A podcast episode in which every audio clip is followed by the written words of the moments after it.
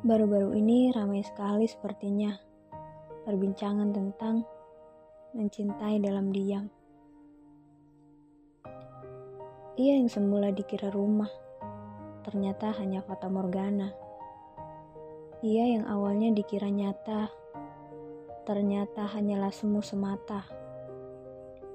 Ada yang bilang bahwa mencintai dalam diam adalah cara paling estetik untuk menyakiti diri sendiri. Bener gak sih? Hmm, perkataan itu akan terjawab seiring dengan berjalannya waktu. Nama yang mungkin lebih dulu dilangitkan sebelum menyentuh bumi. Nama yang diselipkan di setiap untayan kata setelah sujud panjang berharap. Ia di sana baik-baik saja. Dan harinya indah. Karena itu sudah lebih dari cukup. Katanya. Karena hanya sekedar melihat senyumnya itu sudah membuat semua juga baik-baik saja. Terdengar klise sekali everybody. Tapi sepertinya ini sih ada benernya. Sesekali namanya muncul dalam notifikasi HP dan itu cukup membuat tersenyum kala itu. Entah itu WhatsApp atau sosial medianya. Kini notifikasi itu jarang sekali muncul. Mungkin hanya sesekali notifikasi dari sosmednya yang masih sesekali lalu lalang, dan itu pun cukup membuat lega. Karena dari notifikasi tersebut sebagai pemberitahuan bahwa ia sedang baik-baik saja di sana. Meskipun itu semua tidak menjamin.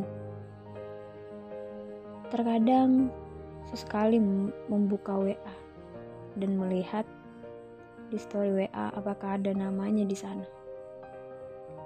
Meskipun terkadang status itu sesekali menyakitkan. Oh iya, lupa.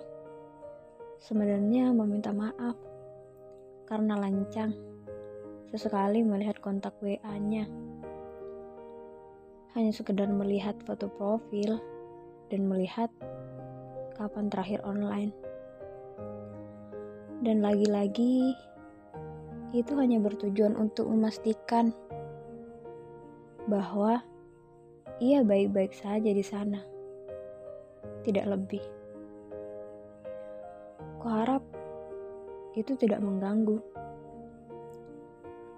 Mengapa tidak mengirim pesan? Hmm, mungkin bisa saja mengirimnya pesan singkat, hanya sekedar bertanya bagaimana kabarnya, dan sesekali berdiskusi hal konyol yang dibuat oleh semesta, atau mungkin membahas hal-hal serius yang sedang terjadi. Tapi tidak, itu tidak dilakukan karena rasanya itu nantinya akan memperkeruh keadaan cukup kalut dan keruh sekarang air yang semula jernih. Biarkan semuanya kembali seperti semula. Karena sepertinya itu cukup membuat semuanya tenang. Karena sepertinya angan terlalu tinggi terhadapnya. Sehingga ekspektasi tidaklah sejalan dengan realita yang ada. Rasanya sekarang sudah lelah, terlalu jatuh, dan biarlah waktu yang menyembuhkan dan mengembalikan semuanya. Ke tempat semula ia berasal. Karena terlalu panjang sekat yang telah tercipta, terlalu dalam luka yang dirasa, hingga menghapus dan menyembuhkannya butuh waktu yang tak sedikit. Bisa. Tentu saja bisa. Butuh waktu berapa lama? Nanti biar waktu yang akan menjawab. Biarlah semua tetap sunyi. Dan biarlah saja semua riuh dengan untayan harapan yang dilangitkan.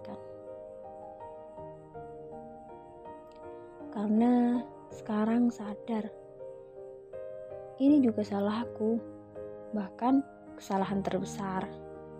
Mengapa? Karena telah menyulut bara api yang membuatnya semakin berkobar.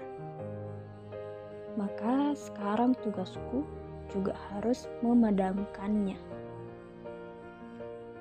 Perihal rasa yang sempat tersemat.